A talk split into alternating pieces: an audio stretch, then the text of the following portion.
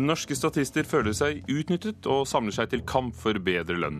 Anders Behring Breivik er et eksempel på økende ekstremisme i verden, mener tidligere Al Jazeera-toppsjef.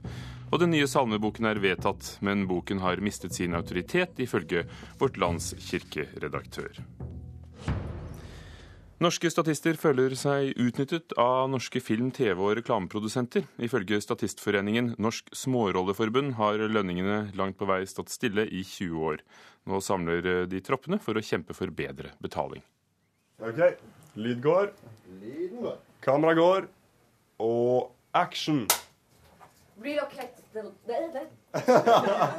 Tungene krøller seg på settet til sci-fi-filmen 'Everyone'. Et nytt opptak betyr mer venting på bakrommet for statist og leder av Norsk Smårolleforbund, Ruben Løfgren. Jeg Vet ikke om jeg får være med i dag. 'Everyone' er en amatørfilm, og som en vennetjeneste stiller Løfgren opp gratis. Overfor profesjonelle produksjoner varsler imidlertid Statistforbundet nå kamp, særlig om det de mener er den etablerte standardsatsen for jobben de gjør. Det har jo stått på stedet hvil siden slutten av 80-tallet, begynnelsen av 90-tallet. Hvor fast statisthonorar har vært eh, rundt 250-500 kroner. Løfgren vil ikke trekke frem noen enkelte oppdragsgivere, men mener problemet er gjennomgående både i film-, TV- og reklamebransjen. Når det ferske Statistforbundet samles til sitt første offentlige medlemsmøte denne uka, er en minstelønn på 1000 kroner dagen kampsak nummer én. Det er veldig mye utnytting i bransjen. Tar du et oppdrag på ja, 500 kroner for en hel dag og har reiseutgifter og må skatte av det, og kanskje kjøpe din egen mat, så kan du i verste fall gå i minus uansett. Hvilke lønnserfaringer har du selv? Hva er det, hva er det minste du har fått for en film? Det minste jeg har fått, er en kebab. Ja. Man skal være til stede. Man ser jo ansikter her. Man ser mennesker. Statister er utrolig viktige for en film, fastslår leder Hauk Heierdal i Skuespillerforbundet, og viser fram horden av dansende bryllupsgjester i klassikeren 'Hjortejegeren' som eksempel kanskje man på denne måten uh, kan få klarere uh, skillelinjer mellom hva det vil si å være statist, og hva det vil si å ha roller. Uh, der er det nemlig en gråsone nå som på en måte er veldig vanskelig å definere. Da. Men vi vet at mange statister får betalt statisthonorar, men utfører det vi vil kalle roller. Og burde i så måte hatt betalt som skuespillere. Vårt inntrykk er at uh, norske statister blir ivaretatt godt uh, av de profesjonelle selskapene. Det sier generalsekretær Leif Holst Jensen i Produsentforeningen, som påpeker at det finnes mange ulike typer statistoppdrag. Noen ganger krever du at du er til stede en time, noen ganger krever det at du reiser langt av gårde og er til stede i mange timer. Dette varierer så enormt at uh, det å lage en fast ramme eller sats på dette, det ser ikke vi for oss som hensiktsmessig. Derfor kommer han heller ikke til å sette seg ned for å få forhandle med statistene. Altså, hvis man syns det er for dårlig betalt og er der for betalingens skyld, så må man kanskje heller finne på noe annet. Det å være statist er ikke en, en jobb hvor du blir kompensert for å med lønn som tilsvarer en annen type jobb. Det er en, et bidrag til en filmproduksjon som vi er avhengig av å få fylt opp uh, med frivillige folk som syns at dette er gøy. Kutt. Kjempebra. Ruben, jeg har. Skal jeg ha samme bukse som sist? Det går fint. På settet er det endelig Rubens tur. Foreløpig organiserer forbundet hans bare 50 medlemmer, men på sikt har statistsjefen ambisjoner om å tiltrekke seg flere hundre. Han har liten sans for Produsentforeningens svar, og akter å kjempe videre. Mange gjør jo det her fast og leverer, leverer ganske så profesjonelt, det de leverer. Og alle som leverer en tjeneste, forventer jo å få greit betalt for det sa daglig leder i Norsk Smårolleforbund, Ruben Løfgren, til vår reporter Gjermund Jappé. Petter Ness, regissør, nå sist av filmen 'Into the White'. Du begynte selv din karriere som statist, og hvordan er det? Det er jo de som kommer først og går sist og får dårligst betalt, får mat sist og, og, i det hele tatt. Det er jo klart at det er nederst på, nederst på rangstigen, men men, men, det er jo som, riktig som det ble sagt også, man gjør det jo fordi man har lyst til å, å, være med og fornemme hva dette er, og kanskje man har ambisjoner om å måte, senere i livet bli skuespiller eller regissør. Så det, til, til, å begynne med så er det en nysgjerrighet og en drøm om å være på et filmsett, men etter hvert for flere så er det jo klart at oppleves det at eh, det er langt fra glamour, og, og man er som sagt da altså absolutt nederst på, på rangstigen. Hva betyr det for eh, en film eller en eh, et teaterstykke å ha gode statister? Ja, Det betyr veldig mye å ha gode statister. Det er klart at Statisteriet er jo en del av et kunstnerisk uttrykk. Altså Når man velger å ha med statister i en film, så handler det om å, for, å eh, for det første bidra til at de skal bidra til en visualitet, altså et liv, et gatemiljø i et område. Det også er det med på å bidra til å fortelle noe kanskje om hovedpersonens syke, om vedkommende er alene i verden, om han er alene blant mange, eller, eller om, det er, om er rushtid. Altså det, det, er jo en del av et bevisst kunstnerisk uttrykk fra regissøren og kunstnerens side. Hvordan har du brukt dem i, i dine filmer? Jeg har, det er jo det er dessverre slik, til tross for at de nå er så dårlig betalt, så er det jo en salderingspost hele tiden på budsjettet. Jeg alltid, går alltid ut jeg må ha 2000 statister, og så ender jeg med 200. Men jeg bruker dem jo for å, for å illudere. Som i Maskeblomstfamilien så er, det, er vi på 60-tallet. Da handler det om at det er de bærere og flyttere av rekvisitter, av barnevogner, som forteller hvilken tid, tidsepoke, men som veldig hurtig skal gi publikum inntrykk av hvilken tid man er i, og hvilket miljø man er i. Nå senest i Into the White så er det jo, eh, spiller jo norske Eh, soldater eller norske innrullerte unge mennesker som møter krigen for, for første gang som, som dønn uerfarne i den sammenheng. Hva tenker du om at eh, statistene organiserer seg i Smårolleforbundet? Det er jo på mange måter helt forståelig. Da jeg holdt på vel som statist på tidlig 80-tall, så var det, fikk jeg vel 300, og så gikk det vel opp til 500 eh, kroner på 90-tallet, og nå er det vel fortsatt 500 kroner, tror jeg. Jeg fikk 500 kroner for tre timer Adjø solidaritet i 1984. Ja, 500? Ja. Å herregud, dette må vi snakke om. og det får de fortsatt? Det får de, og det er det Hvor ble det av de pengene i mellomtiden? Ja, det, er, det, er, klart at uh, jeg tror filmene har blitt uh, mer og mer ambisiøse, og budsjettene har i grunnen ikke vokst noe særlig. Men skuespillerne tar seg bedre betalt. Skuespillere har jo fått agenter som koster penger, og det bidrar til bl.a. til å øke budsjettene og den utgiftsposten.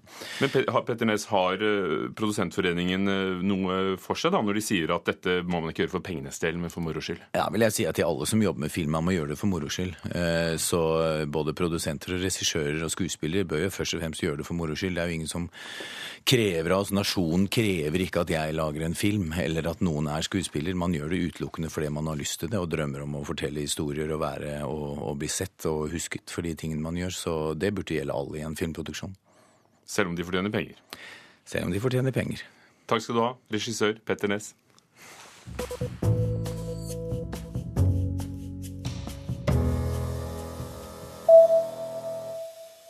Nasjonalmuseet vil sende Edvard Munch ut på turné neste år. Tanken er å sende et originalmaleri rundt i hele Norge i forbindelse med Munch-jubileet. Museet håper å kunne begynne turneen på Munchs fødselsdag i år, 12.12., og så skal bildet ende opp i Oslo når hovedutstillingen åpner i juni. Avdelingsdirektør Per Odd Bakke sier til Aftenposten i dag at de ønsker at flest mulig skal få ta del i jubileet, og da er en slik turné eh, med ett bilde en god anledning. Én av tre ønsker å se Anders Behring Breivik forklare seg på TV. Det viser en undersøkelse Infact har gjort for VG. Generalsekretær Nils E. Øy i Norsk redaktørforening sier til avisen at resultatet viser at det er behov for informasjon blant publikum. Høyesterett har avgjort at en terrortiltaltes forklaring ikke kan kringkastes. Og Forfatterforeningen og Forleggerforeningen er blitt enige om en avtale for bokstrømming. Avtalen fastslår at forfatterne skal få 40% av nettopris når bøkene strømmes på internett. Leder Sigmund Løvaasen i Forfatterforeningen sier til Dagens Næringsliv at de er godt fornøyd med å nå 40-tallet i en slik avtale. Bokstrømming er en tjeneste der man kan lese teksten direkte fra en skjerm, men boken kan altså ikke lastes ned eller lagres. Du hører på Nyhetsmorgen i NRK P2. Hovedsaken i dag. Jusprofessor mener forklaringen til Breivik må kringkastes. Det kan bli rushtidsavgift på busser og trikker i Oslo og Akershus. Og senere i sendingen har Kulturnytts kritiker lest en 2000 års gammel motstandskamp i ny roman fra Alice Hoffmann. Den tidligere toppsjefen for det arabiske mediehuset Al Jazeera er i Norge. Wada Kamfar mener vi må se 22.07-rettssaken i et større internasjonalt perspektiv. Terrortiltalte Anders Behring Breivik er bare ett eksempel på at det blir flere ekstremister i verden. Al Jazeera's coverage of the trial spring from the fact that uh, this incident in particular, uh, which uh, did happen also in the Arab world. 22. juli-rettssaken vekker interesse i den arabiske verden, som har opplevd mange former for terrorisme. Det sier Wada Khanfar, den tidligere toppsjefen for Al Jazeera. Han bygde opp det arabiske mediehuset, og Forbes Magazine har kåret ham til en av verdens mektigste personer. Nå er Al Jazeera i Oslo for å dekke terrorrettssaken. Uh, as well as. Uh, rise of extremism, unfortunately. Media bør se 22.07 i sammenheng med framveksten av ekstremisme i ulike former over hele verden, sier Hanfar. More people are resorting to uh, some kind of extreme understanding of identity. Mens globaliseringen øker gjennom internett og sosiale medier, avviser noen å ta del i dette fellesskapet og isolerer seg ideologisk. Norway. I Norge og Europa har Al Jazeera en fordel i mediedekningen fordi de har et utenfra-perspektiv og lettere kan se hele bildet, mener den tidligere toppsjefen. I think Al Jazeera is giving uh, an outlook on the European question far from the uh, uh, details of the European scene. It means that sometimes once you involved in it, you may not be able to see the full picture. Uh, the people from outside might be able to see the full picture. Men kanalen har også blitt kritisert for å gå lenger enn andre medier, bl.a. i å publisere kontroversielle videoer fra terrorister. Not every tape Al Jazeera received was broadcast. Al Jazeera setter alltid terroristenes budskap i kontekst og bryter ikke presseetiske regler, sier Hanfar. And I think we did that in a very responsible manner, and we did not go beyond the international standards of journalism. Al Jazeera har blitt mer opptatt av Europa de siste årene. Da den engelskspråklige versjonen ble lansert i 2006, tok kanalen opp konkurransen med europeiske medier. Then our interest in Europe became much more than before. That created also uh, more interest in, in more of the European uh, cultural and uh, social fabric Of, of Likevel mener Wada Hanfar at Al Jazeera beholder utenfra-perspektivet. Det er nyttig for å kunne se terrorrettssaken i en større sammenheng. Currently, it might be useful to reflect on that particular incident here in Norway and internationally as well, in order to ask our questions why these phenomena, be it in Norway or in Britain or be it in the Arab world, why is it emerging? We need some real dialogue and debate from within our societies and internationally in order to reach a point of peace. Og for å finne fred er det nyttig å spørre oss hvorfor disse fenomenene finner sted, så vi får en ordentlig dialog innenfra og utenfra, sa Wada Khanfar, tidligere Al Jazeera-topp, nå leder av tenketanken om Midtøsten Shark Forum. Og det var vår reporter Ida Kvittingen som hadde snakket med ham. I går vedtok Kirkemøtet den nye salmeboken. Debatten om hvilke salmer og sanger som skulle være med, har gått siden eh, et forslag var ute på høring i 2008, og størst strid har det kanskje stått om sangen som ble foreslått å komme med for ett år siden. Mange søkte trøst i Til ungdommen av Nordahl Grieg i tida etter 22.07. i fjor. I kjølvannet av dette kom forslaget om å innlemme sangen i salmeboka opp. Men etter mye debatt ble forslaget stemt ned av kirkemøtet i Tønsberg i går ettermiddag. Men en rekke andre sanger kan nå bli å høre i norske kirker. Oslo Gospel Choir til slutt i reportasjen fra Espen Alnes. Anders Håvin, kirkemusiker og nestleder i Musikernes Fellesorganisasjon. Hvilke nye muligheter gir den nye salmeboken deg som kirkemusiker? Ja, Den gir eh, mange muligheter, og den gir også mange utfordringer. Fordi eh, som vi hørte her, så er det et eh, stort utvalg av ulike stilarter i den nye salmeboka. Det er jo for så vidt ikke noe nytt, eh, fordi eh, den forrige salmeboka som vi hadde, altså den fra 1985, eh, den innebar også en viss utvidelse i forhold til stilarter. Men nå er dette skrittet tatt enda lengre. Så altså, Vi hørte bl.a. av julekveldvise Alf ja. Prøysen og Arne Tøyland, Blå salme Erik Bye og Henning Sommero og Kyria Bjørn Eidsvåg. Ja. Hvilken ny retning ser du? Ja, altså en retning er, er, er, som jeg sa, at den, den, det blir en kraftig utvidelse av ulike stilarter. Eh, det er den eh, hovedretningen vi ser. Alle retninger? Eh, ikke alle retninger, for det er jo selvfølgelig noen musikalske uttrykk her som, som mangler. Vi har f.eks. ikke hiphop inne ennå. Men kanskje den kommer ved neste revisjon. Trygve Jorheim, redaktør for Kirkestoffet i Vårt Land. Hvorfor mener du at den nye salmeboken allerede har mistet sin autoritet?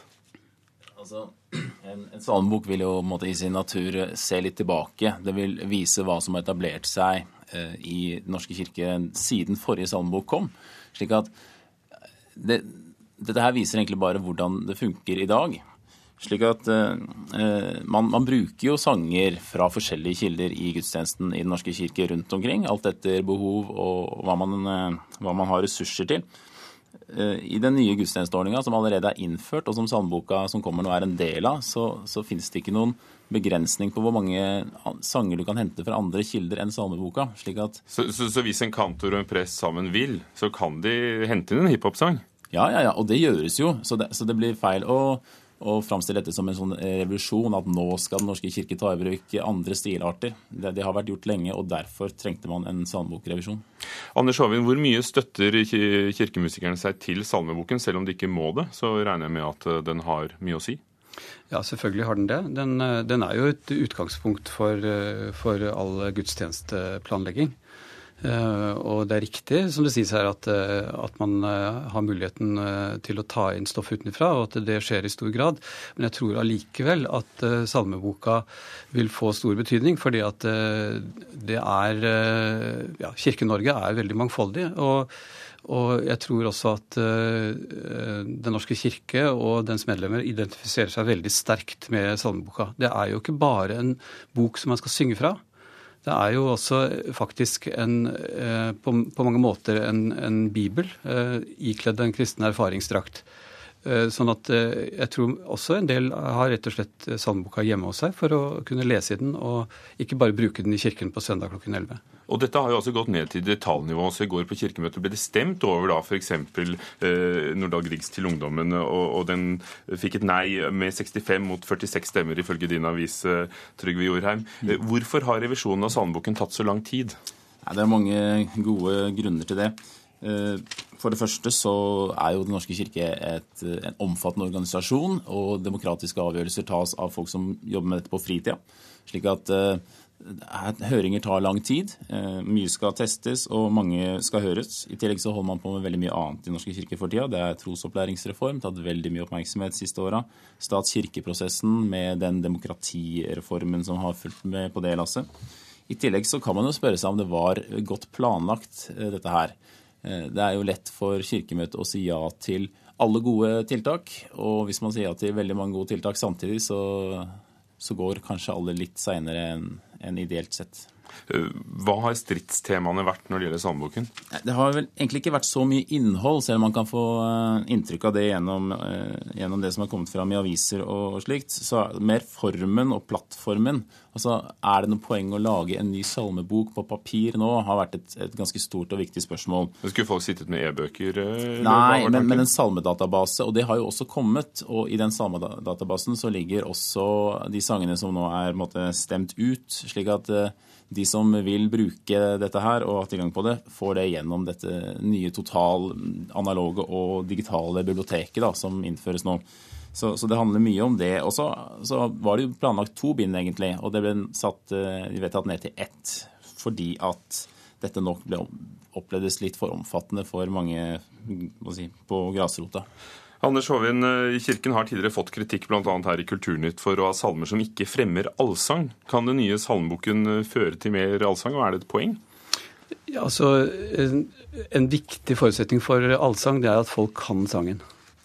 Og, og det er klart at uh, når man da har en, en salmebok som, uh, som har et stort tilfang av nye sanger, så har man et et eh, pedagogisk problem, eller en utfordring, for å, for å bruke et mer korrekt uttrykk.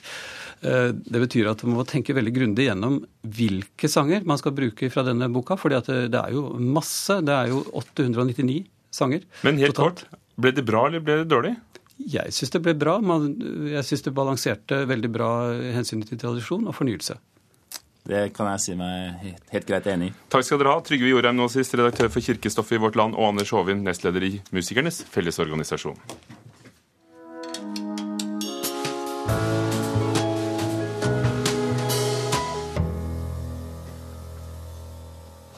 Den amerikanske forfatteren Alice Hoffmans forfatterskap har gått gjennom flere faser, og i det siste har hun nærmet seg det mytiske og eventyrlige, og dette spiller med i den nye og dramatiske vendingen i forfatterskapet som leseren er vitne til i årets nye roman på norsk, 'Duevokterne'. Vår kritiker Marta Norheim har lest den. Av og til veit en slutten allerede før en oppsøker verket. I en film om Titanic er det rimelig å vente på forliset. I en roman fra Masada er utgangen også åpenbar, i alle fall om en kjenner den dramatiske historien om de 960 jødene som tok livet av hverandre i Masada-festninga for å slippe å havne i klørne på den romerske okkupasjonsmakta. Dette skjedde i år 73, tre år etter at Jerusalem fall. Masada har mytiske dimensjoner. Når Alice Hoffmann legger handlinga si til Masada, er spørsmålet ikke hva som skal skje, men hvordan forfatteren skildrer livet på kanten av stupet, bokstavelig talt. Svaret er at dette har blitt ei svært fascinerende bok over ei ekstrem hending i verdenshistoria. Innenfor festningsmurene fantes et helt lite samfunn med både jordbruk og håndverk, og altså duer. Hoffmann gir ei gruppe kvinner ansvaret for duehuset. Her arbeider den vakre Shira, populært kalla heksa fra Moab, og her er den rødhåra Jael, som blir hata av far sin fordi kona hans døde i barsel da Jael blei født. Hoffmann tegner dei med tjukke streker. Hun har ikke gått inn for å skape nyanserte og troverdige karakterer. I stedet forklarer hun om levemåter og trosforestillinger. Heksa fra Moab dyrka kjærleiksgudinna Astarte i løgn, mens folk flest dyrker den ene og sanne guden på jødisk vis, som i praksis betyr på svært mange ulike vis, ettersom essenerne går fullstendig opp i gudsdyrking og rituelle rensinger, mens selotene mener at her må en slåss med våpen i hand. Å legge vekt på levevis og historie heller enn på psykologiske nærstudier er et godt valg. Mønster dukker opp, og her kan en studere posisjoner som har tydelig overføringsverdi. Fundamentalisme eller realpolitikk. Utrensking av interne meningsmotstandere eller felles kamp mot hovedfienden. Gjeld reglene når dommedag står for døra? Og kan en tru på en gud som setter folket sitt på slike prøver? Slike spørsmål gjør romanen spennende på flere nivå enn på det dramatiske handlingsplanet. At den ytre dramatikken rett som det er går over i melodrama, må en bare rekne med når historia er lagt til ei så ekstrem periode. Hoffmann har vært både språklig sterkere og mer underfundig i tidligere bøker, men jeg kan ikke huske å ha lest ei mer vesentlig bok av henne før. Sa Marta Norheim, og 'Duevokterne' er oversatt til norsk av Kia Halling. I Sverige har den kulturministeren Lena Adelsson Liljeroth eh, vært i hardt vær etter at hun har spist kake under en åpning av en kunstutstilling på Moderna museet i Stockholm. Grunnen til bråket var at kaken var utformet som en karikatur av en svart, naken kvinne uten ben. Afrosvenskernes riksforbund reagerer på det de mener er en installasjon full av undertoner som spiller på kannibalisme. Liljeroth sier til den svenske avisen Ekspressen at hun mener hun ble lurt, men at hun ikke har noen planer om å fratre sin stilling som følge av hendelsen. Og I Kulturnytt i dag har vi hørt regissør Petter Ness bekrefte at statistene ofte blir spart på når filmer skal lages. Nå samler statistene seg i kamp for bedre lønn. Espen Hansen, Vida Sem og Ugo Fermariello laget Kulturnytt.